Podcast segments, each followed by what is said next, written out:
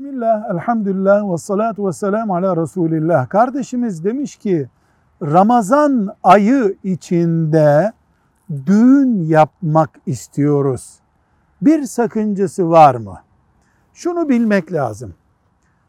Dinimizin herhangi bir günde düğün olmaz diye bir kuralı yoktur. Ramazanda, bayramda her gün 365 gün düğün yapmaya müsaittir. Ama düğün yaptık diye Ramazan günü zifafa giremeyiz gündüz. Oruca zarar veremeyiz.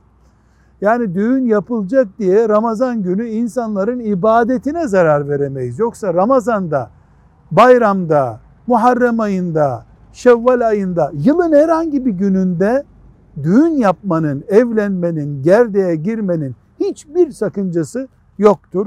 Belki de ibadete zarar vermediği sürece Ramazan ayında düğün yapmak daha bereketlidir bile diyebiliriz. Velhamdülillahi Rabbil Alemin.